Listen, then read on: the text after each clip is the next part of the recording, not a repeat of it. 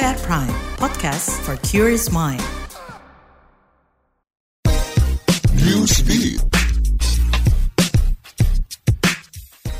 Dianggap melanggar aturan busana seorang gadis di Iran diserang oleh polisi moral. Dikabarkan gadis berusia 16 tahun itu diserang di kereta bawah tanah oleh sejumlah polisi wanita hingga koma. Di Iran sana, anggota kepolisian memang kerap menciduk warganya yang dianggap melanggar ketentuan berbusana. Aktivis hak asasi manusia mengungkap sang gadis tengah dirawat di rumah sakit setelah mengalami luka parah. Tak hanya ditangkap, dikatakan sang gadis diserang secara fisik. Video penangkapan dan penyerangan penyerangan pun viral di media sosial, namun otoritas Iran justru membantah adanya penyerangan.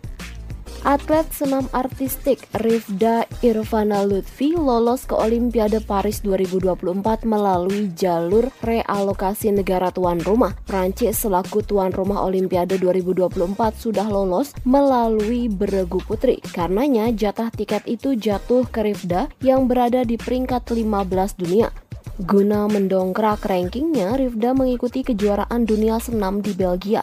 Dengan hasil ini, maka Rifda mencetak sejarah sebagai pesenam Indonesia pertama yang tampil di Olimpiade.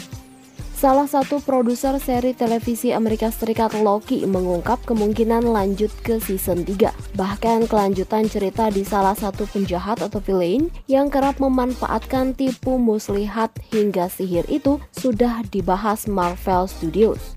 Padahal season kedua seri televisi yang dimainkan aktor Tom Hiddleston itu baru akan tayang mulai 6 Oktober 2023. Seri televisi Loki menceritakan karakter antagonis di film Thor 2011 dan di Avenger 2012 yaitu God of Mischief, Loki. Pada season pertama, Loki memperkenalkan konsep multiverse, di mana karakter utamanya terlibat dalam kekacauan dan kehancuran garis waktu di dunia Marvel.